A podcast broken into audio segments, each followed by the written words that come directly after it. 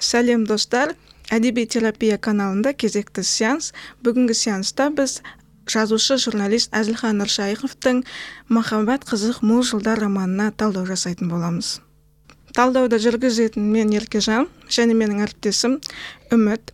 Ә, бүгін бізде қонақта біріншіден рауана төреханова қазақ ұлттық университетінің ә, тіл маманы ғылым магистрі және ә, phd студент.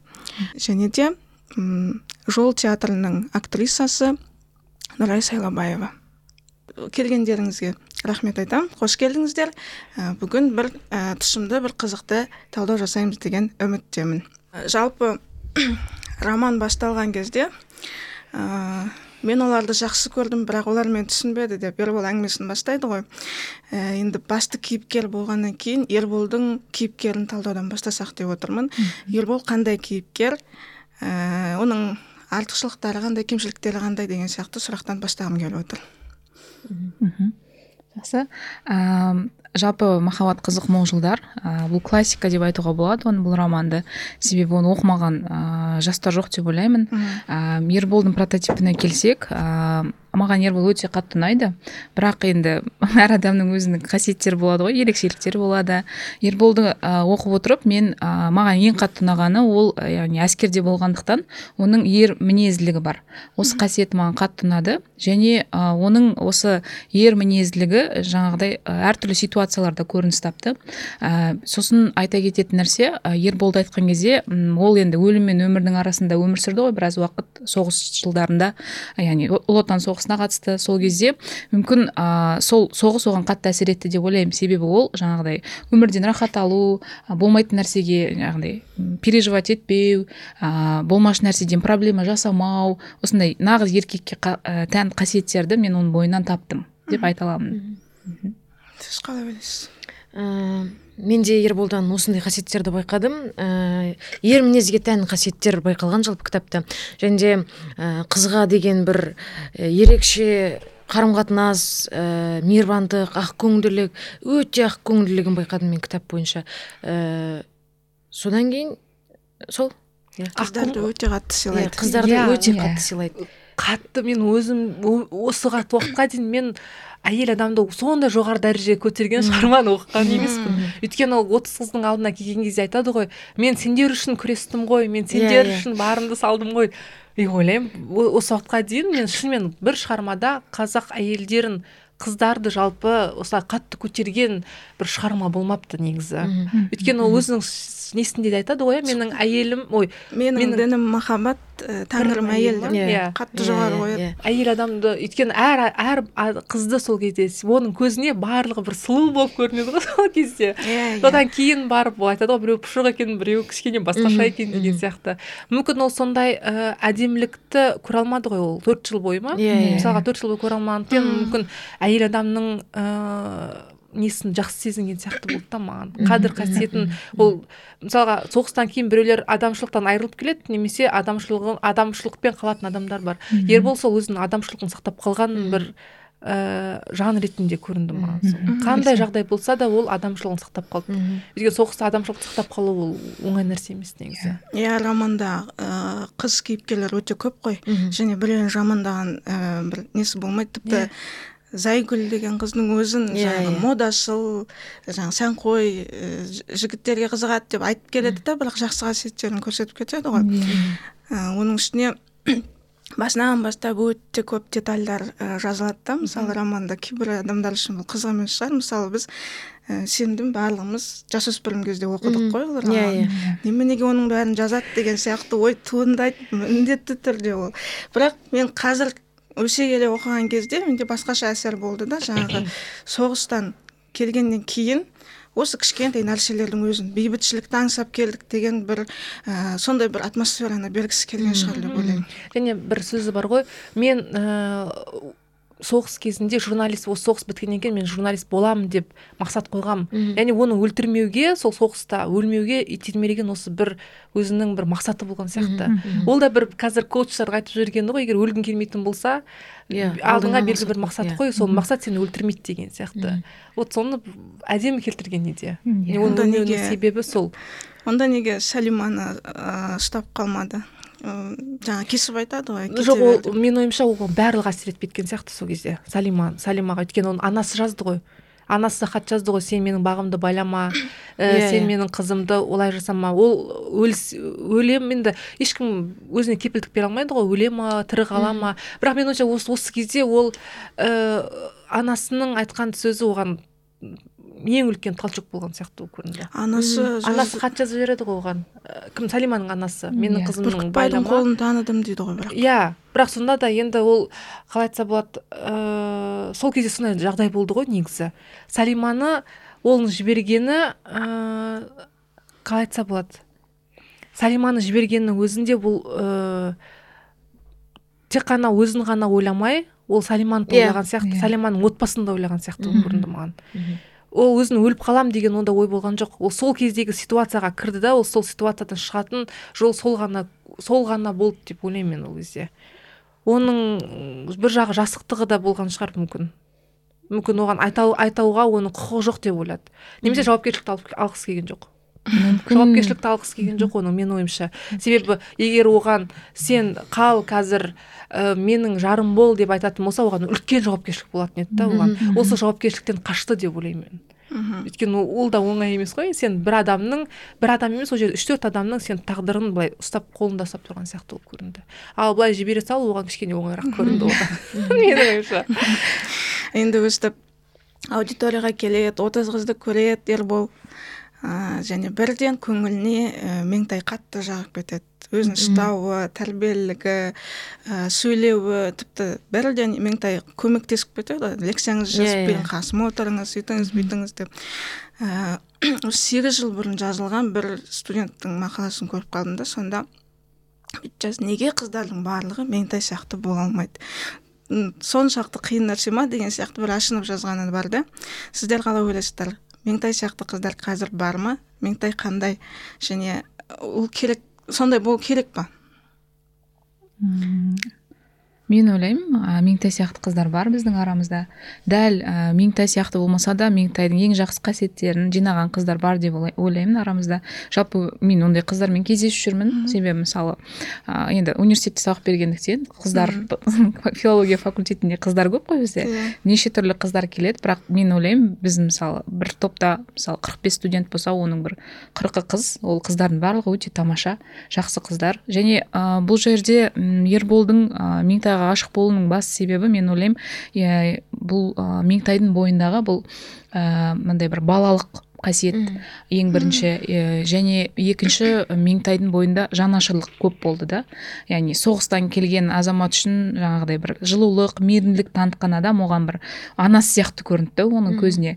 Және ә, сол себепті мүмкін ә, ол да бір себеп болды деп ойлаймын меңтайға ғашық болуының. Оның ә, бірақ меңтайдың ішіндегі бір қасиет ол шынымен де ә, ерболдың мазақ еткен жоқ жаңағы басқа қыздар сияқты. Оған күлген жоқ жасына қарай иә. Оның ә, оны түсіне алды да яғни басынан жанашырлық танытты оған. Енді бұл жерде ә, махаббаттың бір белгісі ғой енді жан, жан ашу деген нәрсе. Ә, сол нәрсе оны былай айтсам цеплять етті деп ойлаймын мен. М. а сіз қалай ойлайсыз? Жалпы осындай қыздар қазіргі заманда бар ма деп жатсыз ғой енді. Ә, біз ә, өнер ордасында жүргеннен кейін бізде бұндай меңтай сияқты қыздар бар деп айта алмаймын мен. Ә, ащы шындық бұл. Бізде жұлқынып қалған мынандай қыздар кәдімгідей мінезі кәдімгідей басым ал бұл жерде иә зайкүлдей қыздар ғой бізде. Сондай қыздар көп бізде. Бірақ меңтай сияқты білмеймін идеал жоқ бізде ондай. Біздің қазіргі заманның қыздарында жиырма бірдемін ғой мен енді қазір біздің қасымдағы қатарластарым ондай деп айта алмаймын. Жалпы меңтайдың сол жанашырлығын мейірімділігін ұнатқан сияқты ербол. Жоқ солай мен, көрінеді. менің ойымша екеуі де махаббатты іздеп келді ол жерде. Иә. өйткені ә, меңтайдың өзі де жесір ой жесір деп құдай сақтасын жетім қыз ғой.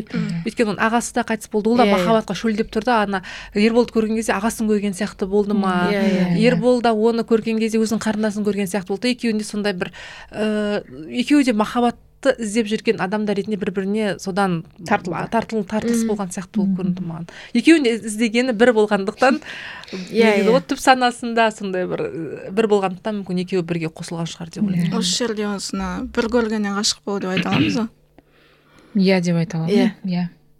Бірақ жазушы өзі кейін айтады бір көргеннен ғашық болу деген жоқ нәрсе деп. Иә иә. Бірінші адаммен араласып байланысып өзін тану керек деп. Жоқ ол бірден ғашық болмайды сырттай бір ұнату болған шығар ұнатқан шығар енді. бір симпатия деген сияқты. Әдемі қыз екен деп та қоя Иә, салды иә. одан кейін кішкене екеуі бірге отырғаннан кейін оның қолын көреді оның былай түрін келбетін көргеннен кейін барып ода кішкене кішкене сезім ояна бастайды. Өйткені ол бірінші келген кезде барлық қызды бірдей көре бастайды ғой. Иә. одан кейін ғана барып анализ жасай жасайды анализ жасай бастайды иә.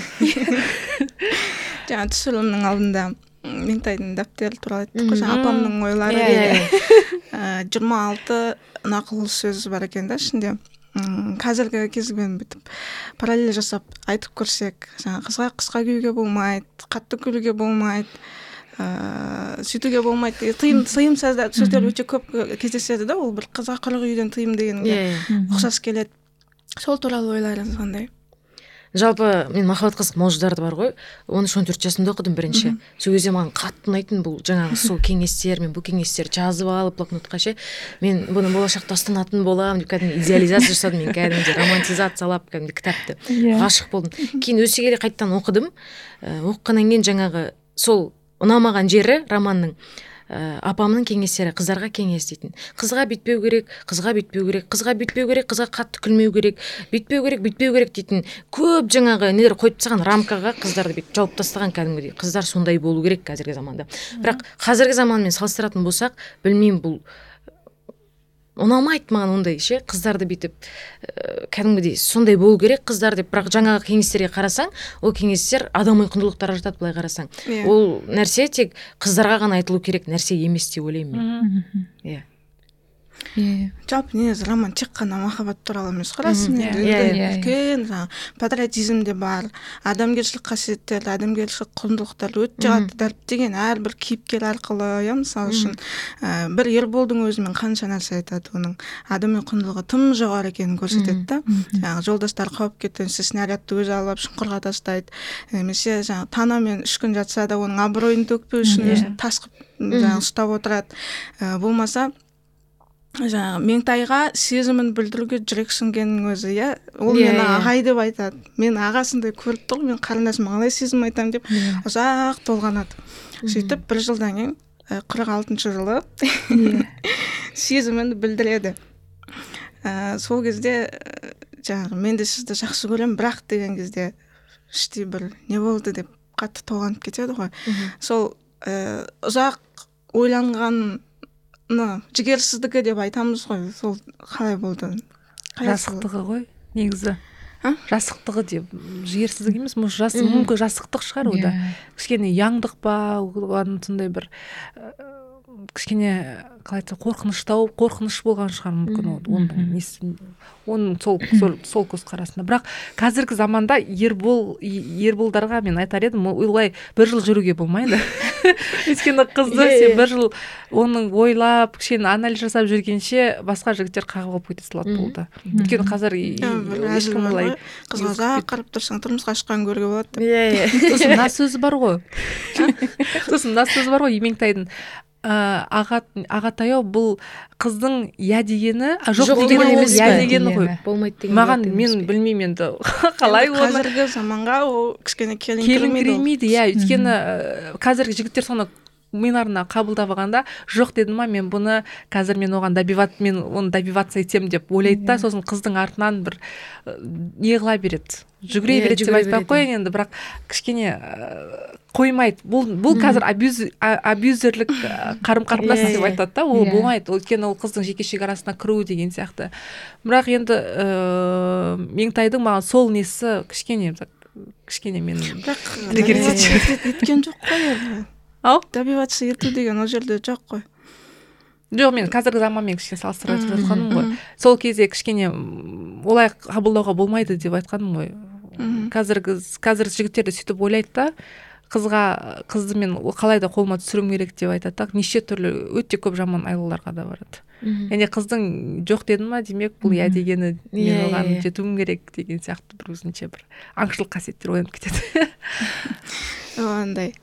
Эмоционалды качеляны жақсы көретін адамдар ғой негізі. Ол, мені иә. қусын мен оны қуып жетемін деген иә де- бірақ ербол мен меңтайдың арасында ондай бір качеля болған жоқ қой.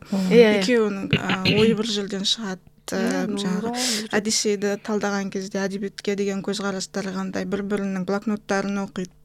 Солай танып жүрді бір бірі түсініп тұр ғой бір бірін жақсы көретін. Ә, ешқайсы қадам жасамайды да. Сонда мен ә, меңтай айтады ғой менің беріп қойған уәдем бар деп. Мхм. сол кезде ғана меңтай айтады ғой сол кезде ғана сізді жақсы көретінімді түсіндім деп. Иә иә. Е, сол уәдесі оны іште ұстап тұрды да. Яғни меңтайдың да ербол сияқты тым ә, құндылықтарды тым жоғары қоятынын байқауға болады мхм. Енді біздің сүйікті кейіпкеріміз тұмажанға келдік. Жаңағы беріп қойған уәдем бар дейді. иә Ә, сөйтіп ербол өзі ә, театрға тұмажанды ертіп алып барады. Ой. ә, айтатын ойларыңыз бар ма? Жоқ мен бұл жерде айтқым келген вот қазақтың қыздарының сондай аңқау екеніне мен Мм. қынжылды шынын айтсам. Егер кім кішкене өмірге бейім қылып тәрбиелегенде меңтайды. Мүмкін мұндай нәрсеге ұрылмас еді деп ойлаймын мен. Ол айтады мен қалай барып қалғанымды өзім білмей қалдым деп айтады Иә, ғой иә. яғни жігіттер ә, ә, сондай қыздарды жақсы манипуляцияға ұстай алады да. Оны мысалға оны қалай тексеріп жатпай былай өзін бүйтіп шимақтап қолымен жасайды да. Иә, иә. соған сене салды да ол. Меңтай. Аңқаулығы деп ойламаймын мен. Ыыы меңтайды жет- жетім деп айттық қой ол әкесінен бірге толмай айырылды. Ә, шеш- ә, ағасы 17 жасында кетіп қалды. Шешесінен бірден айырылды деген сияқты. Ол өзі өсуіне тура келді ол ешқандай арқа сүйерім жоқ қорғаным жоқ. Ә, мына кісі сөйтіп айтты. Ағам жіберіп тұр оны Иә, маған иә, тем деп қатты сеніп қалды. Иә. бірақ оның ішкі интуициясы негізі әйел адамға ішкі интуицияны өте алла тағала берген ғой бізге. Сол кезде іші оның бәрі қаламай тұрды ғой негізі. Бірақ сонда да қалауынан тыс нәрсе жасады да және мен мен ойымша бұл кішкене ыыы меңтайдың кішкене несі сияқты болып көрінді. Ыыы артын ойламағаны сияқты болып көрінді маған. Сол сол ситуацияда ғана сол ситуацияға ғана енді да болды. Ары қарай қалай болады бұл қандай жігіт? Бұлмен қалай болу, болуға болады деген сияқты ода ондай ой болған жоқ. Ондай неде болған жоқ деп ситуацияға меңтай ғана кінәлі деп ойлайсыздар ма? Жоқ мен ойлаймын ол ерболмен сөйлесті ғой негізі. Солдан кейін тұмажанмен кездесті ғой. Иә. сосын ол жазады ғой егер де сіз сол кезде маған Уәдеңізді бұз десеңіз, бұз мен бұз- десеңіз мен бұзатын едім ғой деп айтады ғой. Сондықтан ерболдың бұл жерде кішкене а, жаңағыдай жасықтығы да әсер етіп кетті да оған ше. Мүмкін егер де ол жерде ербол жоқ ә, мен сені ә, сен маған ұнайсың бірге болайық десе ол тұмажанда да шанс болмайтын еді да ол нәрсеге ше. сондықтан бұл ситуацияда әсер етіп кетті да. Кейін меңтай өкініп жазады ғой. Сен сіз маған жоқ деп иә менімен бірге болам деп ә, тұмажанға жоқ деп айт деп айтсаң мен келісетін едім ғой деп өкінеді ғой қатты өкінеді сол жерде. Бұл жерде ерболдың тағы да нені алғысы келмеген сияқты жауапкершілікті алғысы келмеген сияқты болып көрінді. Қорқытты ол. Егер қалай мен оған қазір сертіңді бұз деп айтатын болсам ол менен кейін бақытты бола ма болмай ма Иә, деген иә. сияқты бір сондай бір тербеліс болған сияқты ода сөйтіп сондай бір үлкен жауапкершілікті ол алғысы келмеген сияқты. Мүмкін. Мен аңқаулығы деп ойлаймын. Ерболдың ербол тұмажанмен танысқан кезде қандай ә, жаңағы мәдениетсіздеу адам деп ойлайды да. Иә ал ә, меңтайға апарған кезде не деген екі жүзді дейді. Қыздың алдында қандай қаһарман қандай сыпайы болып тұр деп көріп өзі айтып тұр. Меніңше ол ербол кешегі меңтайдың берген бас тартуынан кейін өзінің трагедиясына кіріп кетті да ішіне. Депрессияға да. Маған жоқ деді деп. Сол сол детальді былай қарасаң басынан бастап айтып кетті қазір кабинеттің нөміріне шейін сондай деталіне қарап соны сипаттап келеді да. Сол детальді байқамай қалды аңқау болып. Өзінің несімен жаңағы мынау қандай адам өзі екі жүзді ғой деп айтады да бірақ ары қарай ойламайды. Ол меңтайға дұрыс адам ба? Иә ә, оған зияны тимей ма деп деген ой ары қарай өр- өрбітіп жіберді өйткені ол адамның өзінің ішінде жоқ қой ондай нәрсе. Иә. Өзінің ішінде болмағаннан кейін ол ондай нәрсені айтады ғой әрбір адам сондай жаман ойласа оның ішінде сондай нәрсе бар деген Иә, сияқты. иә, иә. мүмкін оның ішінде өзі сондай бір светлый дейді ғой сондай болғандықтан мүмкін ода ондай ойға барады деп мүмкін ойламаған шығар. Өйткені өзінің ішінде жоқ ондай жаман зұлымдық зұлымдық қой ерболдың ішінде жоқ. Мүмкін содан да содан да болуы мүмкін. Мүмкін әскери өмірде әсер етті деп ойлаймын мен бұл жерде. Сіз сіздер жаңа айтып жатсыздар ғой ол ыыы мінездегі нәрсе емес мүмкін жаңағыдай армияда например тәртіп тәртіп бар ғой. Серт деген нәрсе мысалы жігіттердің арасында өте үлкен рөл атқарады да. Олар бір біріне серт берсе яғни ол оны орындау керек. Мысалы себебі жаңағы соғысқа қатысқан кезде де мысалы бір бірінің бауырларына мен қарындасыма көз қарап жүр деген секілді нәрселер ол серт болғандықтан еркек үшін ер кісі үшін серт деген негізі үлкен ә, не болып табылады жаңағыдай. Өмірлік жаңағыдай ұстанатын қағида секілді. Мысалы қыздардың арасында серт беру деген нәрсе жоқ қой бізде мысалы серт беру деген жоқ. Сосын мені құрбым түсінеді деп түсінеді деп айтамыз болмаса ренжімейді ғой деп айтамыз иә. Ал жігіттердің арасында ондай нәрсе бар да. Және ол ә, осы ситуация оны құртып жіберді да. Екі жағдайда да. Салимадан да айырылып қалды. Яғни серттің кесірінен. Оған да серт серттіңді бұз деп айтты ғой ол. Жарайды мен келісемін деп. Бірақ сәлима оған серт берген еді негізі бірге болуға деп. Иә, иә. сосын ол айтты жоқ сертің мен саған ренжімеймін деп. Ол өзі бұзды сертті. Ал екінші ситуацияда қайтадан сол яғни қалай айтсам екен ә, сол ситуация басынан қайта түсіп жатыр да психологтар айтады ғой қазір сол проработка болмаған да ода салимамен. Сонымен ол қайтадан оған ситуация қайтып келіп тұр да. Және ол серт болған қайтадан бір кругтың ішінен шыға алмай қалды да. Себебі бізде былай ә, ұл балаларды солай тәрбиелейді ғой. Негізі бұл жерде менің ойымша ата ананың да рөлі да үлкен рөл атқарады. Себебі олар айтады ғой сен жігітсің ер жігітсің сертіңді бұзба отаныңды қорға деген сияқты бір концепттарды миларына құйып тастаған да. Сондықтан ол шыға алмай қалды сол жаңағы өзінің идеологиядан шыға алмай қалды сол идеология қатты жүрді ғой оларда. Сосын ә, мен тұмажандағы ана, ананы қатты байқадым. Қазір қазақтың жігіттерінде де өкінішке орай сондай бар. Яғни қызды ә, нәрін алғанша деп айтады ғой. Кино неде кітапта. Сонша пайдаланады да ары қарай оған қызық болмай қалады. Көп қазақтың қыздарын солап жатқаны осындай тұмажандардың кесірінен сияқты. Яғни артын ойламай қызбен ә, болып қояды да одан кейін жауапкершілікті алмай қоя салады одан кейін екінші нәрсе ә, қыз бала егер оған ә, қарсылық білдірсе отказ жасаса дейді ғой. Одан кейін қатты ашуланып yeah, иә, yeah. Иә. оған айтарын айтып иә яғни қыздың жоқ деген нәрсесін көтере алмай қалатын. Осы екі нәрсені қатты байқадым тұмажан өйткені қазақтың жігіттерінде де сондай нәрсе бар да. Яғни қыз жоқ деп айтты ма болды ол қызды ыыы масқаралауға да тырысады ол қызды артынан қалмай соның өшін алуға да тырысатын yeah. жігіттер бар ғой негізі. Yeah. ондай ыыы ондай жігіттер арамызда да негізі кездесіп жатады. Білмеймін ондай оның ішкі эгосы сондай қатты жоғары ма? Әлде ол ол адам ондай адамдардың мүмкін самооценкасы дейді ғой? Өте төмен ба? Мүмкін сондай ма деп ойлаймын мен былай қарасаң қызық иә ерболды тұмажанда жаңағы әскерде болған ә, соғыс көрген жаңағы бір бір тағдырлас адамдар да иә. бірақ екі түрлі мүлдем мінез былай қарап тұрсаң тұмажан ең осы кейіпкерлердің ішіндегі ең жаманы ғой yeah. Иә. тұмажан мен жаңағы бүркітбай деген қалғандардың yeah. Иә. қатты жамандық па не қылмайды соңында соған да жаны ашиды ғой сол шалғынбайға бар ғой енді адам өзі қандай болса басқадан соны көреді деп иә. айтады ғой өзі жақсы болғаннан кейін басқалардан да жақсы нәрсе көреді жаңа мен сұрағым келген ылайдан ыыы жас буынның өкілі ретінде жаңа рауана ханым айтты ғой жігіттердің арасында серт деген өте құнды нәрсе деп қазір сол құндылық әлі сақталған деп ойлайсың ба жоқ сақталмаған ондай құндылық білмеймін енді менің ортам сондай болғаннан кейін ба бізде ондай жігіттер бір бірімен серттеседі бәсекелеседі бірақ соңында ә, ол бәсекеге жаңағы сертке тұрмайды сертте тұрмайды мысалға ә, айта кететін жайт. Ә, ондай мысалдар көп негізі айта беретін болсам бірақ ә, сертте тұрмайтын жігіттер өте көп қазір. Уәдені бұзатын уәдесінде тұрмайтын жігіттер көп бізде. Ербол сияқтылар өте аз деп айтуға болады ербол сияқтылар өте аз. Егер де мысалға ә, меңтай сияқты біреу келіп бір жігітке біздегі бір жігітке айтатын болса уәдеңді бұз десеңіз мен бұза кетейін айтыңызшы бірге боламыз деп айтыңызшы десе жігіт тұрады да онда бұз бірге болайық деп айтады. Ал оларға уәденің құны ештеңе емес та біздікілер үшін.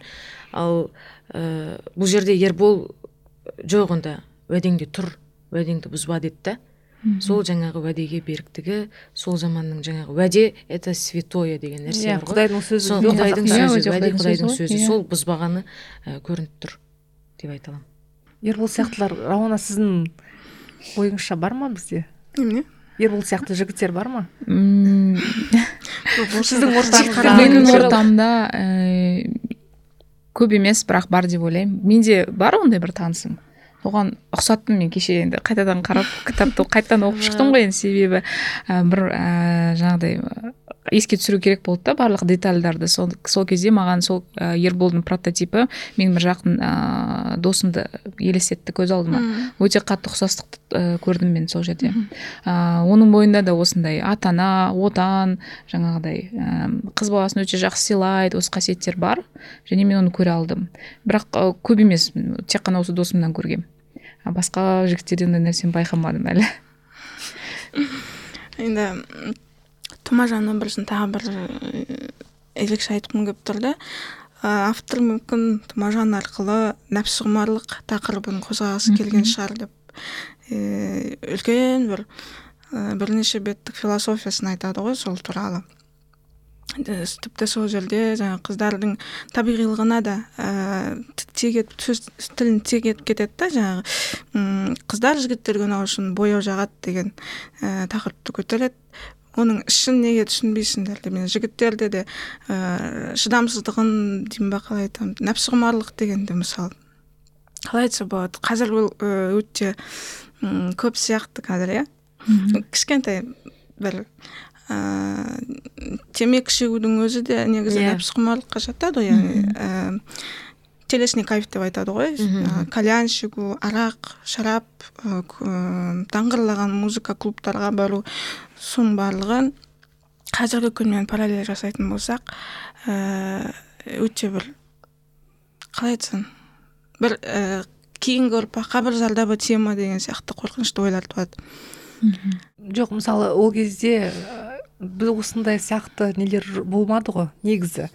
Ол бізді осындай кездегі қызық сияқты оларда болмады ғой.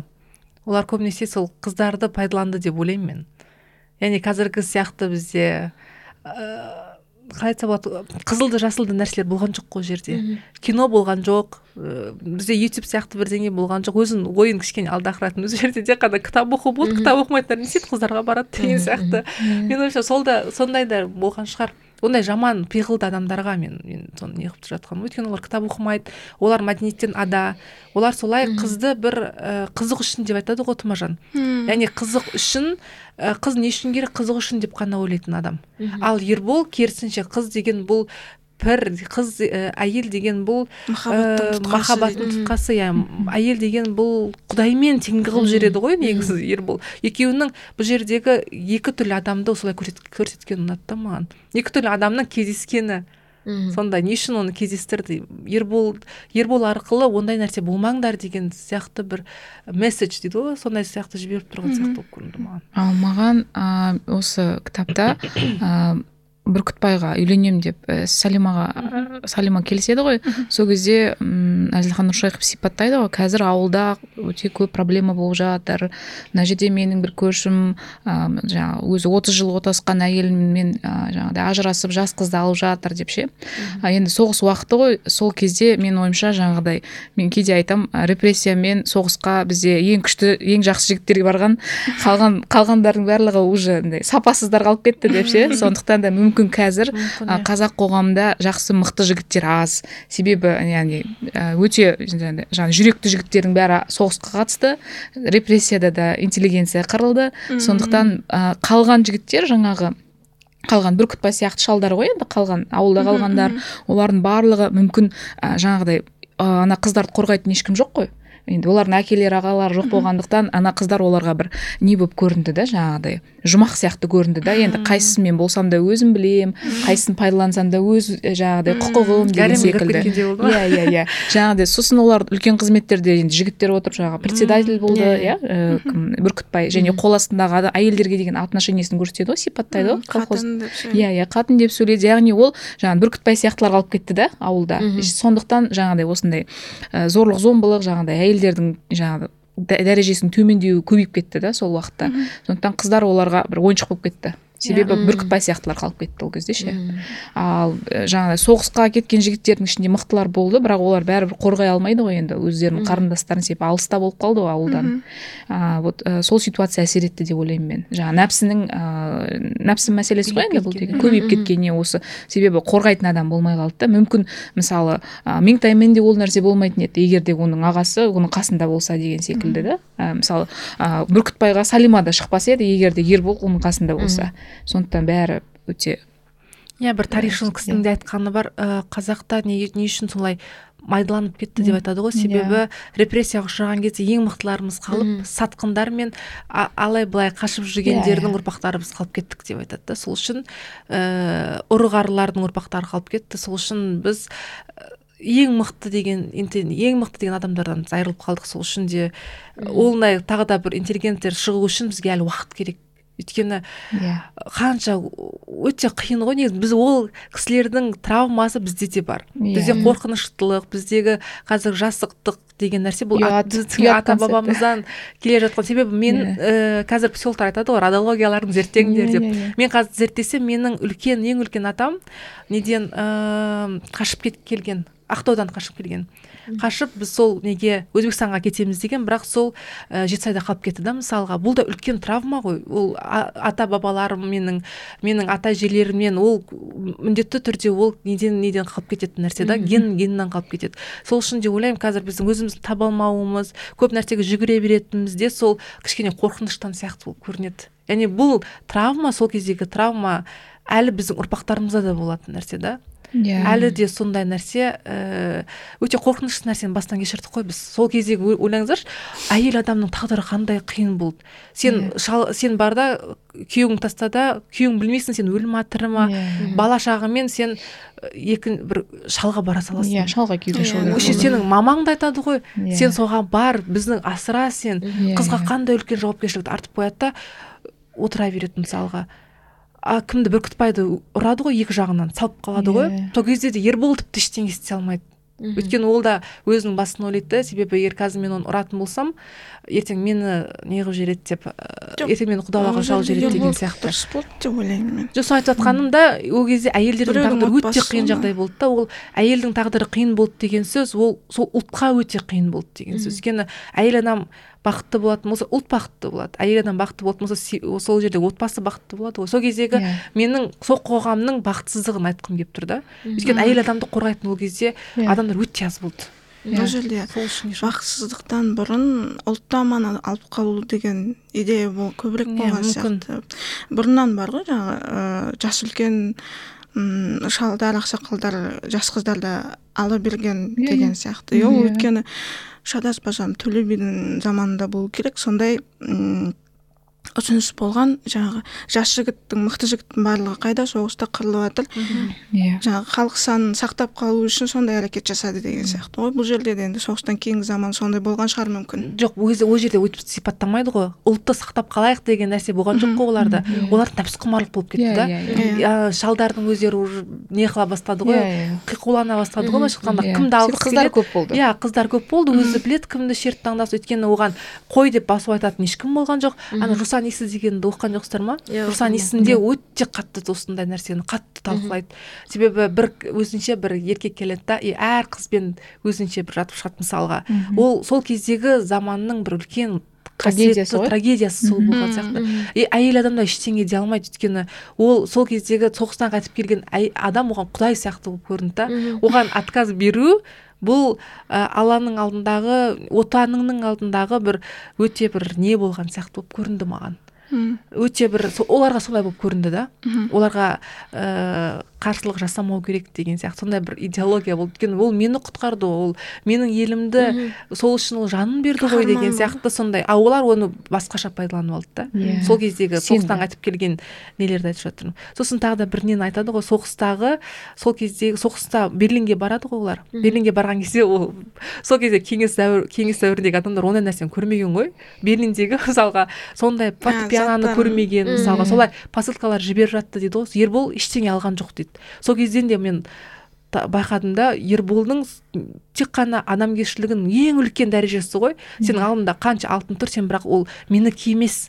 Яғни қазақтың ала жібін аттама біреудің ала жібін Иә. аттама деген нәрсені өте қатты сақтаған да ешқандай алмайды сонда бір қойындап тері ма соны біреу алшы осыны деп қолына ұстатып жібергеннен кейін барып мен сыйлығым деп ал дегеннен кейін алады ғой. Сол кездегі ерболдың ең үлкен қасиеті мен осы деп білдім да. Қандай үстінде алтындар болса да ол біреудің заты ол өзінің ата жауының заты болса да ол алған жоқ ол нәрсені. Ол кезде өте қатты қиын болды ғой сол кезде. Кеңес дәуіріндегі мен бір документальный фильм көргем ана кімдер тіпті біреу кетіп бара жатады неден. Велосипедмен кетіп бара жатады неміс әйелі. Сөйтіп алады да анау кеңес дәуірінде кеңестік армиядағы солдат алады да соның велосипедін алып кетеді ғой. Вот сондай да нелер болған да бір сол кездегі бір жабайылық деп айтамын ма әлде соғыс сондай адамшылықтан айырып жіберді ма мүмкін адамдарды. Иә. өте қиын кезде тіпті біз оған бір ғасырда уақыт өткен жоқ қой. Әлі де ол нәрсе біздің әлі де көп халық осы травмадан әлі де шығу жолында деп ойлаймын мен. Ұрпағымен қосып одан кейін сол адамдармен қосып әлі де сол шығу жолындамыз. А, соғыс кезінде тағы шаруаның барлығын әйел адамдар істеді ғой. Иә. С- мүмкін ол, ол жағынан да бір әсері болған шығар мен әйелге жұмыс істемеймін деген. Иә мысалы ер кісілер жағынан айтатын болсақ. Ыыы жаңағы тұмажан да әңгімесінен байқап қаласың ғой ә, бір бай жесір әйелге үйленіп алады ғой. Ыыы қазіргі нелер сияқты альфонстар сияқты. Иә. иә ол барлық прототип әлі де ак- актуальды ғой өте актуалды негізі. иә. Ғасыр өткенмен бәрібір адамдардың кішкене пиғылдары бәрі өзгермейтін сияқты өзгермейді иә. мхм. Содан айтаса зайкүлге тоқталайықшы деп айтайын зайкүлді негізі мен басында оқыған кезде жақтырмаған мен қандай қыз өзі мынау деп бар ғой. Бірақ маған ұнады зайкүл. Негізі. Ұнайды маған сонда. Яғни ол өзінің не қалайтынын білетін қыз және ол өзін қорғай алатын қыз а қазақтарда ондай қыздар негізі ә, кемде кем деп айтса болады. Сол кездегі иә. сол үшін де оны бір ақ ә, жазушының өзі де бір жаман қылып көрсетпеді М, бәрібір де бір или ер, мүмкін ерболдың көзқарасы бойынша шығар. Бірақ зайкүлдер сіздің ортаңызда көп сияқты иә нұрай? Өте көп. Өте көп. Мүмкін енді ол кезде сондай сондай қыздар бізге керек болды ма деп ойлаймын. Кішкене өз өзін ұстай алатын. Мүмкін зайкүлдегі бар ә, мінез меңтайдай болса мүмкін ондай үлкен трагедияға ондай мүмкін жолықпас жол жолықпас па еді деп те ойлаймын негізі. Зайкүл туралы ойларыңыз қандай? Сіздердің негатив болды ма әлде? Кішкене болса да пози- позитив болды ма? Негізі ол күшті күшті қыз ғой. Мен менде ешқандай негатив болған жоқ зайкүлге менде тек қана бір ой болды. Басында кішкене ә, енді көп сөйлейді жаңағыдай қалжыңбас сондай қыз ғой енді. Бірақ маған қатты ұнағаны зайкүлдің м, сол жерде зілхан нұршайықов көрсетеді ғой. Олар ә, танаға не жинайды ғой ақша жинайды ғой. Сол кезде зайкүл өзінің жаңағы же- жемпірін иә по моему жемпірін. Түлкі түлкі жағасы. бар иә соны береді ғой. Сол іс әрекет маған қатты ұнады. Иә себебі м, біз енді бір жағынан иә ол мүмкін жаңа өзінің не қалайтынын біледі өзін жаңағыдай ә, неге в обиду бермейді иә Иә. қорғай алады. Ал бұл жерде маған қатты ұнағаны ол сонда да жаңағыдай махаббат сезімін жаңағыдай жоғары биік бағалап тұр да жаңағы үстіндегі соңғы киімін шешіп берді. Қалай дегенмен бұндай ә, яғни ондай тірлік жасайтын адам ол жаман адам емес та. Себебі егер де ол жаңағыдай бір түйіп бір жерде отырып ештеңе істемейтін болса мүмкін ол маған жағымсыз кейіпкерге айналатын ба еді. Бірақ осы іс әрекеті оны менің көз алдымда көтеріп жіберді. Өздері аш жалаңаш отырса да Иә, иә, сол иә. қыздың сондай бір мықтылығына Мықтылығын. сүйсініп бәрі ақша береді ақша ғой. береді иә. Зайкүл зайкүл сіздің ойыңызша ше нұрай? Қалай сіздің ойыңызға отыр зайкүл сияқты қыздар ұнайды ма сізге? Зайкүл иә. Жағымды кейіпкер маған спектаклін көрген кезде де зайкүлді керемет ашқан. Мгм. фархат молдағали махаббат молжылдарын қойған қазір де болады. Ол спектакль аншлаг мхм. ә, үш рет барғанмын өзім. Сол жерде де зайкүлді өте керемет. Ә, қалжыңбаз ә, қалжыңды айтса да бір андай ти- тигізіп айтпайды да андай ішінде бір жақсы ниет болады деген сияқты. Жақсы кейіпкер ретінде әрбір спектакльге барған сайын сол зайкүл үшін барамын мен үнемі зайкүл үшін білмеймін өмірді жеңіл қабылдайтын өмірді жеңіл қабылдайды өте. Иә әр өзінің ішкі ішкісінде бір арамдық жоқ та Иә, айта иә, салады иә, бетіне айта салады не істей салады қалай айтса болады мазақтаса да зілі жоқ та оның. Сосын жолдасбек бар ғой қасында. А жомартбек? Жомартбек, ол да сондай бұл жерде мен ә, жағымсыз ерболдың айналасындағы жағымсыз адамды көрген жоқпын мен. Мүмкін өз сондай болғаннан кейін өзі Иә, иә. жақсылықты ғана көргеннен кейін мүмкін сонда- сондай болған шығар деп ойлаймын мен. Сізге ше еркежан зайкүл ұнады ма? Ә, иә әрине кеше жаңағы қайта оқып жатқан кезде мен айтамын ең ақылы бар осы қыз екен ғой деп Иә. ойлап қаласың да. Дұрыс айтады иә мүмкін кей, кей сәттерінде тамаша айтып жібереді иә. Жаңағы ойынан бұрын тілінен бұрын ойы көп сөйлеп кетеді деген сияқты. Ал былай ә, негізі иә дұрыс нәрсе айтатында жаңағы кейін тұмажанмен кездескеннен кейін бірінші зайкүлді көреді ә, жаңағы бүкіл жаңалықты сол зайкүлден біледі сол кезде зайкүл айтады ә, сен меңтайға ғана қарап қалдың ғой басқа қыздар да бар еді ғой деп. Негізі менің ойымша ол өзінің бір ойын білдіргісі келді. Иә, иә. иә. Бірақ Иә, иә. ол да түсініп тұрды да сезімі әлі басылмаған ерболдың мхм иә. содан кейін бірақ ә, қазіргі замандағы бір образға келетін қыз сияқты да карьеристка ғой ол ше иә. Жаңағы бірақ енді бір әрекеті бар емтихан кезіндегі бір орынсыздау болып қалған әрекеті. Жоқ ол ситуациядан шығатын жолды білетін адам ғой ол негізі. Әр әр адамның болін біледі да. Сол сол нәрсеге қарай басады да. И өзін қалай айтса болады ол бір мақсатты біледі да. Сол мақсаттан шығу жолын ғана қарастырады болды. Ары қарай ода ұят болады ау. Бұдан кейін менің іс әрекетім қандай болады? Ұят былайша айтқанда басқа жұрттар не ойлайды деген сияқты рамкалар ода жоқ. Мен ойымша осыны осындай қызды көрсеткісі келгенінде ы, ақ ы, жазушының осы осы зайкүл зайкүлді қосқанның өзінде де бір гәп бар сияқты менің ойымша. Өйткені тек қана меңтай майра сияқты қыздар қосатып беретін болса бұл кітаптың реңкі болмайтын еді да. Иә, шынайы емес болып иә қалатын бір бәрібір идеал идеалды вот Иә. одай Иә, синдром иә, иә. отличницы бар қыздар сияқты болып көрінді. Да ал зайкүлді кіргізіп бұл кітапқа бір басқаша бір реңк берген сияқты болды. Зайкүлдікін жақсы оқыдым мен. Бір қызық қой оның сөздерінің барлығы. Сосын бір өте анайда кішкене не істейді анайда әңгімелер айтады. Бірақ негізі зайкүл зайкүлдің несі маған өте қатты ұнады бәрінен ұнағаны маған зайкүл болды негізі? Зайкүлдің кейіпкері болды. Енді дәл осы зайкүл ә, меңтайдың қайда екенін айтады. Сөйтіп алып ұшып сол майраның ауылына барып сезімін қайта білдіреді. Сол кезде ә, меңтайдың әлі күнге дейін өзін өз денесінен жиіркеніш ә, тартуы әлі бар екенін байқаймыз да. Ә, өкінішке орай. Ондай нәрселер өкінішке орай бүгінгі күні өте көп жаңалықтарда өте көп естиміз иә. Ә, бірақ сонда да ербол сол қалпында сені алғаш қалай көрдім тура сол қалпында қабылдаймын дейді. Қыздар сіздер қандай сезімде болдыңыздар осы сәтті оқыған кезде? Жоқ айта мен жылағым келді. Мен жылап алдым да ол жерінде. Кітапты оқыған кезде жылап алдым кәдімгідей. Ы, ерболдың сондай бір адалдығына.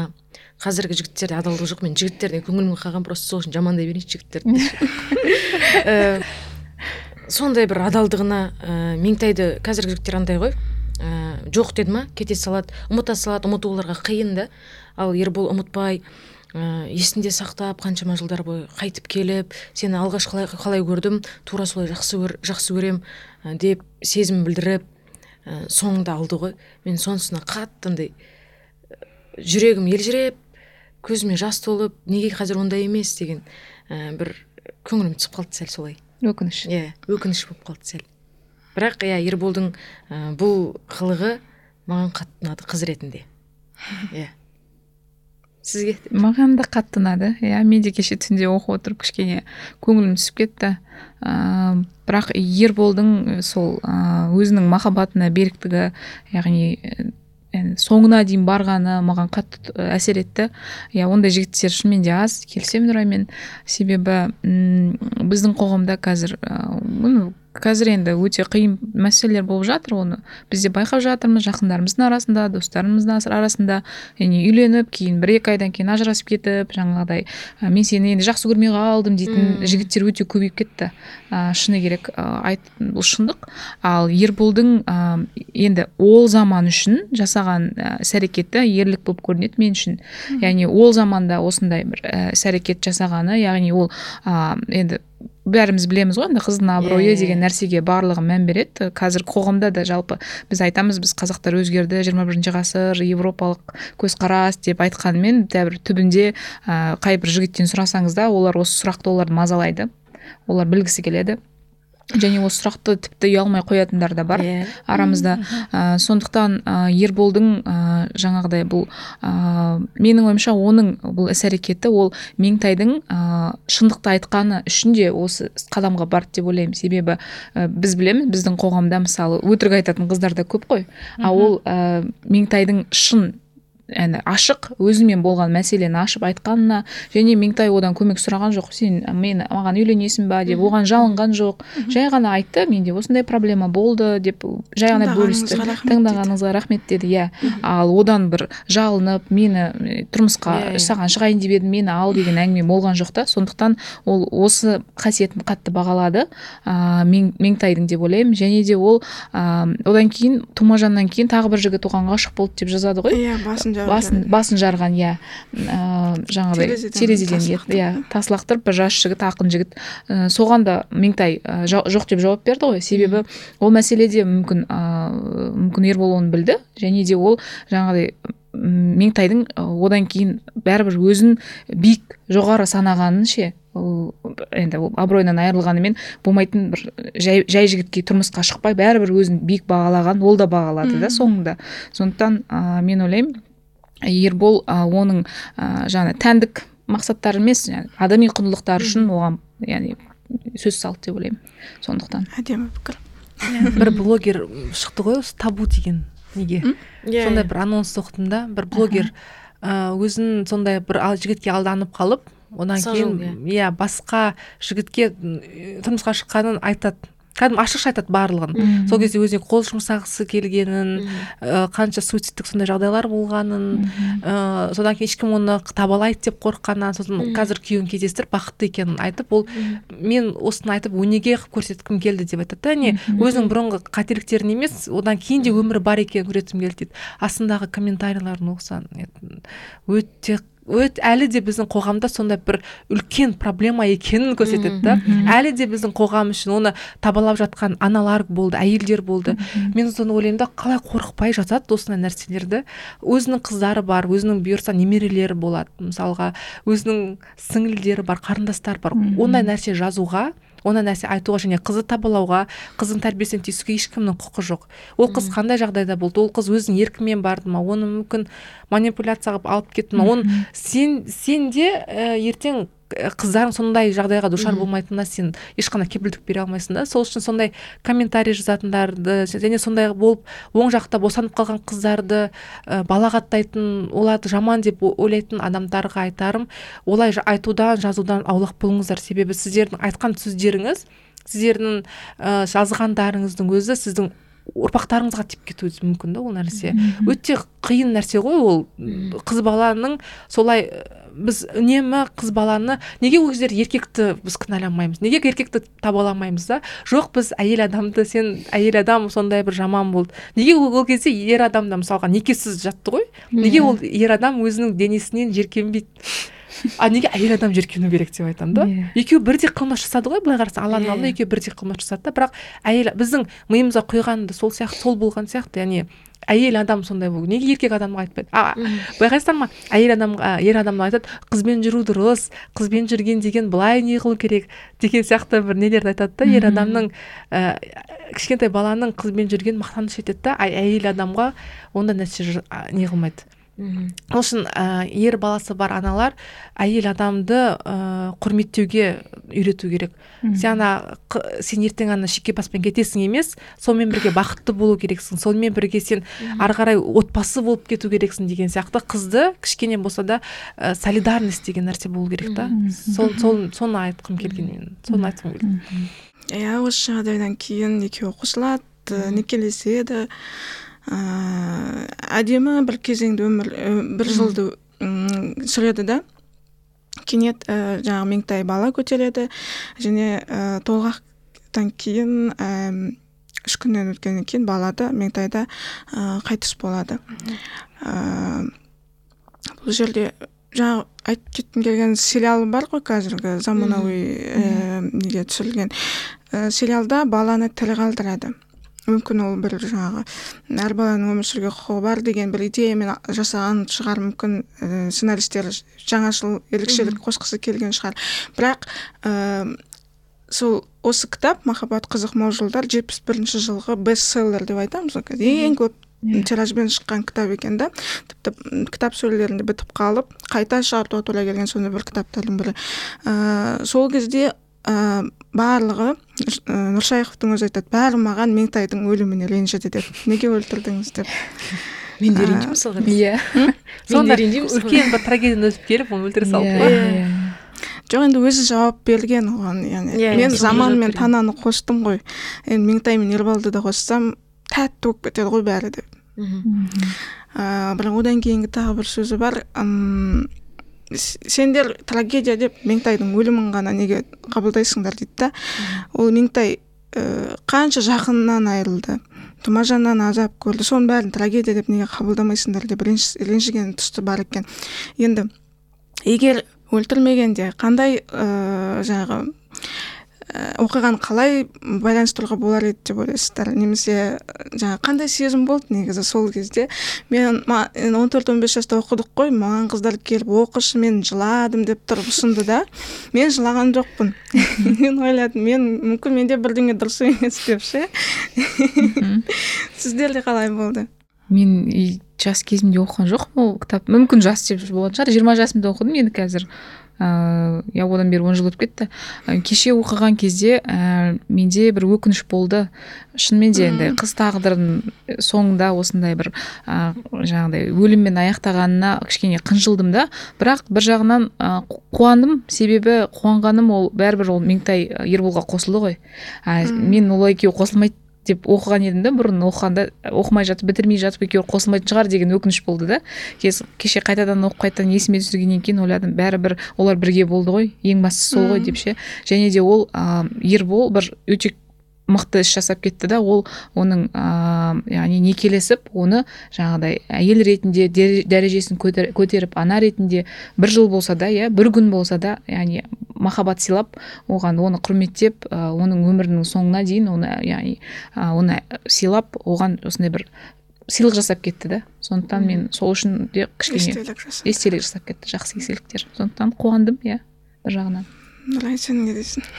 Мен білмеймін көп кітаптарда хэппи эндпен аяқталады ғой енді. Бақытты болады соңында бәрі күшті болады деп кітаптарда? аяқталады. Көп кітаптарды дегенде мен оқыған кітаптарда. Қазақ әдебиетінде қазақ әдебиетінде жоқ бірақ ондай қазақ әдебиетінде өмірі қыздарды бір жарайды. Ә, сол соңында хотела хэппи энд күшті бәрі деп. Бірақ соңы осылай аяқталды. Бірақ соңында осылай аяқталғанына мына кісі айтқандай қуаныштымын негізі. Бірақ Иә. бір өзінің ә, несін айтады сұхбатында айтады ғой бір бір үлкен кісі оқыған ғой осы кітапты соңында меңтайдың өлгенін естіп ол кісі кәдімгідей үлкен шал кісі ғой дәрі ішіп жүрген ғой валидол ма сондай дәрі ішкен ғой шыдай алмаған ғой ана меңтайды Мм. сондай керемет қылып оқып не істеп сіз неге өйттіңіз неге мен дәрі ішіп жібердім тіптен соның өлген несі оқыған кезде деп. Сол кезде менің ойымша бұны өлтіргеннің де бір і несі бар сияқты бір і бір кішкене бір Идея. идеясы. бар сияқты. Бірақ өзі өзі айтады ғой мен негізі басында ойлағам дейді.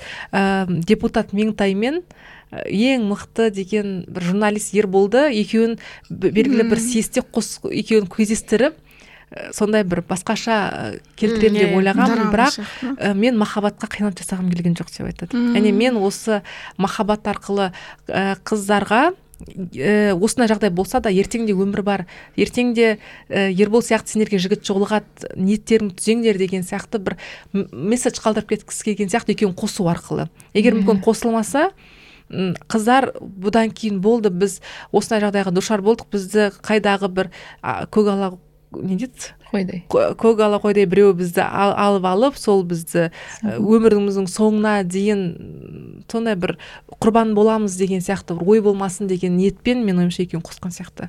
Негізі басында оның өзінің басқаша ойы болған. Бірақ енді өлтіргенде де бір не бар сияқты енді өзінің әр адамның өзінің әр жазушының ішінде өзінің бір қиял қияли бір әлемі бар ғой. Мхм. сол әлеміне мүмкін солай сыйғызған шығар. Меңтайды э, өлтіріп тіпті ұрпақ та қалдырмайды ғой одан. Баласын баласын да өлтіреді ғой. Иә. Алдында гауһартас талдағанда айттық қой. Салтанат өзінің өлетінін өзі шешіп қойды деп. Осы жерде де оның күнделіктерінен байқауға болады. Мен өлсем балаға yeah, жақсы қара ол мамаң кім десе меңтай деп айтады сөйтіп былай қарасаң ә, салтанатпен ұқсастығы бар иә? Жаңағы эстетикаға деген сұлулыққа деген ғашықтығы иә мысалы пенелопаны қалай бір дәріптеп жаңағы талдау жасайды оған бірақ сонда да ол іштей бәрібір сезініп та мен ойлаймын қаншама ыыы жиырма жастағы қыз ғой қаншама нәрсені көрді да ол ары қарай көтере алмайтын сияқты болып көрінген сияқты болды жеттім осы бір шыңы болды yeah. Иә. мен ары қарай өле берсем болады деген сияқты осыған да шүкір ары қарай өлсем де арманым жоқ деп айтады ғой қазақтарда мүмкін сондай бір не болған сияқты. Және ә, мен тағы да бір тоқталып кеткім келген заман мен тананың иә. махаббаты. Иә. Тана басында қатты жылап жүрген кезде ербол келші деген кезде ерболға барады ғой yeah. түнде. Және екеуінде бір сондай нәпсіқұмарлық пайда бола бастаған кезде ербол өз өзін тежейді. Және тана, танаға да солай айтады мен осы кезде мен осы жерде заманмен бірге жатқан едім деп.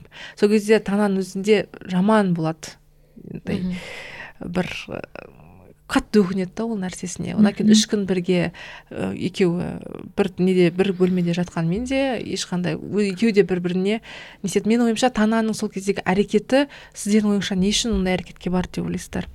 Мен нәпсіқұмарлық болып кетті ма әлде жылулық іздеп кетті ма әлде басқа нәрсе ма? Мүмкін ол әлі де бір іштей үмітпен жүрді да.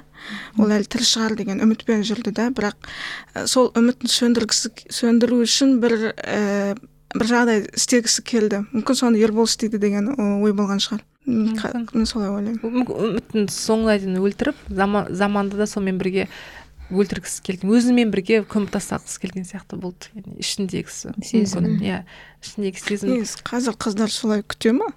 Әскерге кетеді ғой жігіттер? Тіпті өлді деген өлді деген қара қағаз келеді. бірақ соның өзіне ербол айтады ғой.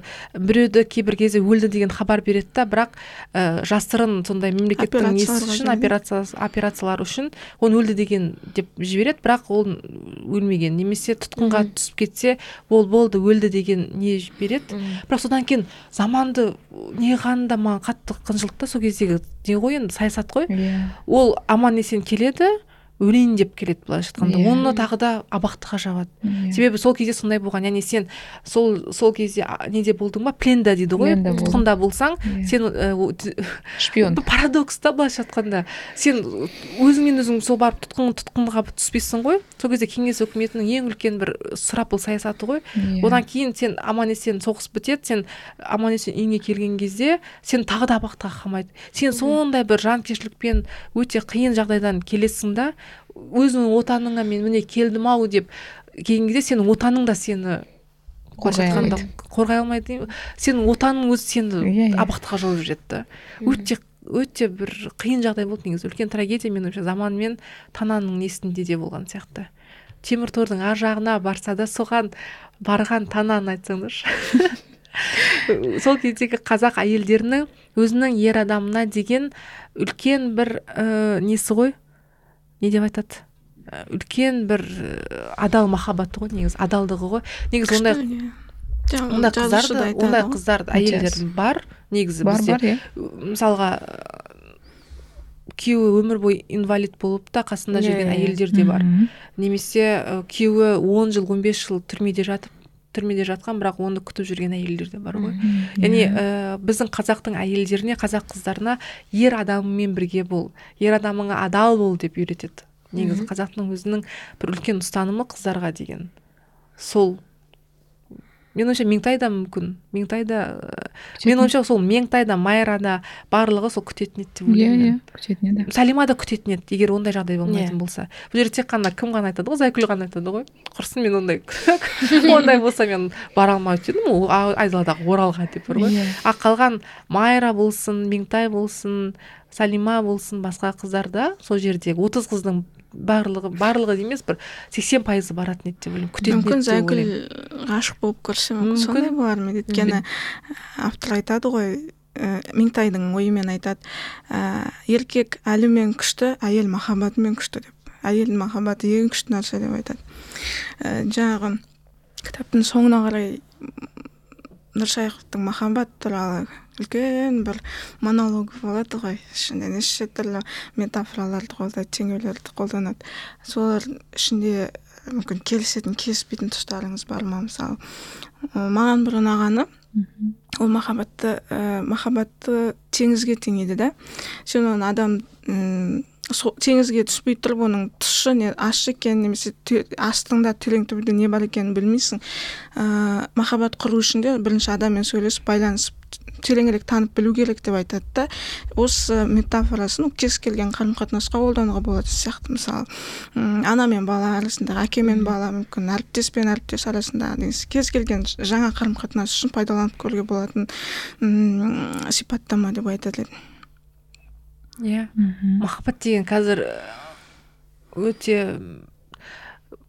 қазір андай нарықтық заман болып кетті ғой. Сол үшін қазір психологтардың өздері айтады ғой жүректеріңді тек қана жүректеріңді тыңдамай ақылдарыңды да қосып бірге ә, бірге ақылдасып барып шешім қабылдаңдар. Өйткені сен эмоциямен сондай бір сезімнің жетегіне кететін болсаң сен алданып сен ұрынып қалуың мүмкін деп айтады. Себебі біздің эмоциямыз деген лапылдап тұрады да ол белгілі бір уақыттарда сөніп қалады болды. Махаббат деген нәрсе ол ә, үнемі лапылдап жана беретін нәрсе емес. Мен өзім бес жыл бес жыл тұрмыстағы әйел ретінде айтайын.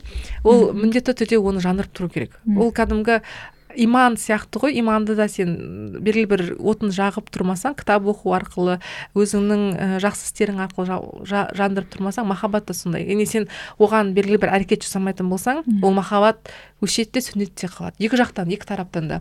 Сол үшін ә, махаббатты бірінші ойын орынға мен ойымша махаббатты қою керек. Ә, ақылмен қыздар мысалға өзінің болашақ жарларын таңдағанда жүрекпен таңдау керек. Ақылды ә, мейлінше іске қоспауға мүмкін тұр. Енді қатты іске қосуға болмайды деп те ойлаймын. Өйткені адам әр әрбір әйелдің жүрегіне қыздың жүрегіне жүз пайыз алла тағала интуициясын беріп қояды. Ал ер адамдарға ақыл беріп қояды да. Яғни сенің интуицияң ешқашан сені алдамайды. Егер ол жігітке деген сенің кішкене болса да ішіңде бір кірбің болатын болса ол адамға жолауының қажеті жоқ кейбір тұрмысқа шыққан кезде тұрмысқа шығайын ба шықпайын ба? деп ойланып жүреді ғой. Демек ол алла тағала саған керек емес деген сияқты белгі беруі мүмкін да. Яғни сол кезде шынымен адам таңдаған кезде жүректі тыңдау керек. Егер жүрегің сені ешқашан алдамайды негізі. Ақылды қосатын болсаңдар ойбай бүкіл жерге барып келуге болады негізі. Сол сияқты менің ойымша да ербол да меңтай да жүрегін таңдаған сияқты. Егер ербол ақылмен әрекет жасайтын болса сол кезде қазақтың жігіттері сияқты әрекет жасайтын еді. Яғни қазір мен оны алатын болсам жұрт не ойлайды? Бұл қыз деген болды ғой деген сияқты. Ол тек қана жүрегін тыңдады да. Сол жүректің әмірімен ғана ол кетті. Меңтай да солай. Жұрт ертең не ойлайды? деген сияқты ой болған жоқ. Ол жүрегімен сол сол екеуі бір бірін сол жүректің жүрек тыңдау арқылы ғана махаббат деген жүрек дейсіз ғой. Сіздер махаббат деген не деп ойлайсыздар маған қазір енді үмітпен келісемін мен қазіргі таңда махаббат бұл жағдаяттардың обстоятельстволардың құрбаны болып жатыр да бізде. Біздің қазіргі 21 бірінші ғасырда әсіресе қазақ қоғамында ә, махаббатпен құрбан ететіндер өте көп қазір. Әсіресе жаңағы материалистік әлем үшін. Ә, ал бұл ә, заманда ерболдың енді махаббатының мықтылығы менің ойымша мен жаңа айт, айтып өттім ол оның соғысқа баруы да негізгі себеп бұл жерде. Себебі ол өлім мен өмірдің арасында жүргендіктен ол өмірді өте қатты жақсы көрді сондықтан ә, ол үшін яғни өзінің сезімі өте биік болды және махаббаты да сондай болды да. Себебі ол күрескер ә, соғыста күресті өмірде де күрескер және өзінің жаңағы мақсат үшін енді соңына дейін барды да. Және махаббат негізі менің ойымда ол күрес. Мен менің ойымша ә, бұл ә, екі екі ә, тұлғаның иә өздерінің жаңағыдай бақытты болу үшін жасалған күресі. Иә екеуін сол жаңа от қой. Иә от отты сөндіріп алмаудың күресі күрес. иә. Және ол күрес әртүрлі болуы мүмкін. Ә, бірінші енді бізде қазір қоғаммен күреседі олар ә, ата аналармен күреседі енелерімен күреседі. Енді ол нағыз қазір сондай бір ащы күрес болып жатыр да.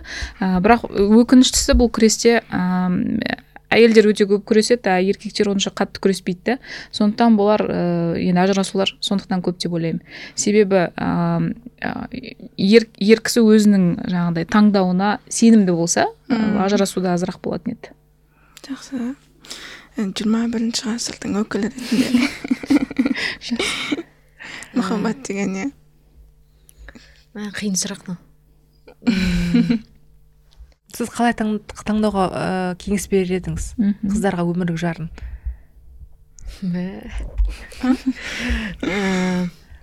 Өмірлік жарын? Иә.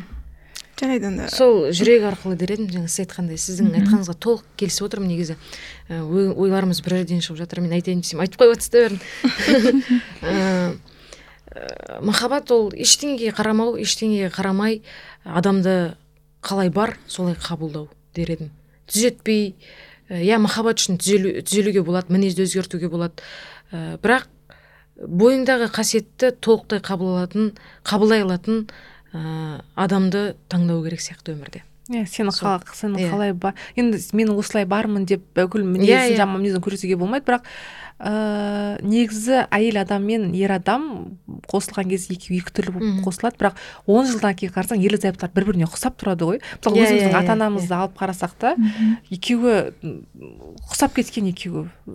Ерлі зайыптылар бір бес алты жылдан кейін міндетті түрде бір біріне ұқсап кетеді сол үшін бір бірін менің анам үнемі айтады әйел адам мен ер адам бір бірін тәрбиелейді деп. Яғни ә, тәрбиелеу арқылы яғни мысалға ә, ер адам кішкене ашушаң болатын болса әйел адам кішкене ә, сабырлау болатын болса ер адам міндетті түрде сабырлыққа көшеді себебі бір бірінен жұғады сынықтың барлығы жұғады деп айтады ғой. Сол үшін де ә, енді м отбасын құрып жатқан ерлі зайыптылар болатын болса ә, алғашқы үш жылдықта өте қатты шыдауға тура келеді. Себебі ә, қоғам сіздерге қысым жасауы мүмкін сіз қабылдай алмауыңыз мүмкін оның отбасын қабылдай алмауыңыз мүмкін ол сізді қабылдай алмауы мүмкін. Сол үшін үш жылдан кейін ә, кішкене өзгере бастайды. Сіздің ойыңыз өзгере бастайды сіз күйеуіңізге деген ар қатыныңыз кішкене өзгере бастайды. Сол үшін ә, адамды қалай бар солай қабылдауды үйрену керек. Енеңізді болсын күйеуің болсын ыыы айналадағы адамдар болсын. Өйткені әр айналадағы адамдардың барлығы сенің айнаң деп айтады ғой.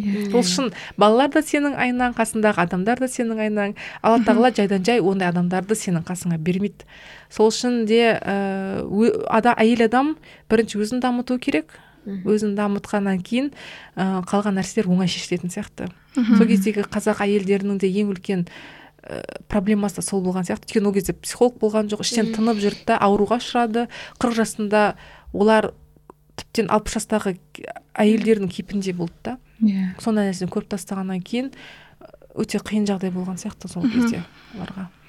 Енді осы романдағы мен не соңғы пікірді айтайын иә махаббат туралы романдағы кейіпкерлер туралы кейіпкерлермен байланыстырып яғни заман мен тана меңтай мен ербол ә, және зайгүлді де қосар едім ол да тұрмысқа шықты ғой махаббат деген теңдік тіледім ол жақта яғни махаббатта доминант болмайды ә, бір бірімен тең ә, бір біріңді қолдау бір біріңнің көзқарасыңды сыйлау сондай гармония болу керек деп есептеймін ә, енді романды қорытындылап жіберсек не үшін осы романды? Ә, ұсынасыздар оқуға? Енді эпиграфында айтады ғой. Құдай ау қайда сол жылдар? Махаббат қызық мол жылдар. Ә, ақырын ақырын шегініп алыстап кетті ау құрғырлар деп. Жаңағы сол эпиграфының өзінен сағынышқа мұңға бір өкінішке толы бір роман екені түсінікті ақ болады да. Ә, енді сіздер не үшін ұсынар едіңіздер оны оқуға? Қандай бір эмоция алу үшін? Мен жас жігіттерге ұсынатын едім оқуға. Себебі ә, менің ойымша қызың қазір жас буынға жігіттерге осындай бір ер жігіттік мінез жетіспейді. Ерболдың бойындағыдай. Енді оның жаңа жасқаншақтығын жасқаншақтық деп қабылдамадым мен мен оны жаңа сертке беріктік деп қабылдадым да. Сондықтан ә, бұл тақырып маған өте қызық болды. Себебі мен диссертациялық жұмысыммен кішкене сәйкес келді да. Мен қазір осы ер, ер кісілердің яғни тілдегі лингвистикада тілдегі ә, жалпы қоғамдағы ә, ер кісілердің тілдегі көріністерін яғни тіл қалай сөйлейді соны зерттеп жатырмын да. Ә, және маған ә, жалпы сол уақыттағы енді картина мира енді әлемнің бейнесі тілдік бейнесі сол уақытта ер жігіттерді ербол сияқты жігіттерді сертке берік ер жігіт енді қорқақ емес батыр жігіттер осындай қасиеттерді алғыларыңыз келсе сондай болғыларыңыз келсе және де андай қоғамдық пікірмен өмір сүрмей өзіңіздің бақытыңыз үшін күрескіңіз келсе осы романды оқуға кеңес берер едім. Әсіресе жігіттерге. Сіз?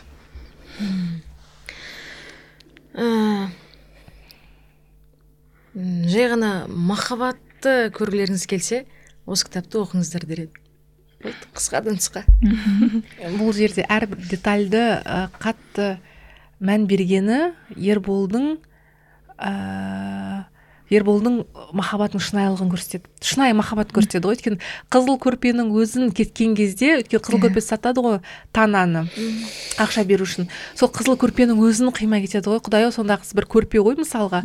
Соның өзі кеткені ол ербол үшін жанына қатты батады да. Ондай ер адамдар ондай ә, ондай махаббат білмеймін енді қазіргі заманда бар ма жоқ па. Бұл шынайы таза саф махаббат деп едім егер шынайылықты сондай махаббатты ә, сондай көргілеріңіз келсе сондай сұлулықты әсемдікті көргілеріңіз келсе міндетті түрде осы кітапты оқуға мен кеңес берер едім. Рахмет барлықтарыңызға. Қызықты әңгіме болды деп есептеймін. Көрермендерге айтарым өздеріңіздің пікірлеріңізді алған әсерлеріңізді комментарийға міндетті түрде жазып кетіңіздер каналға жазылуды ұмытпаңыздар. Аман болыңыздар сау болыңыздар сау болыңыздар. Сау болыңыздар. Сау болыңыздар.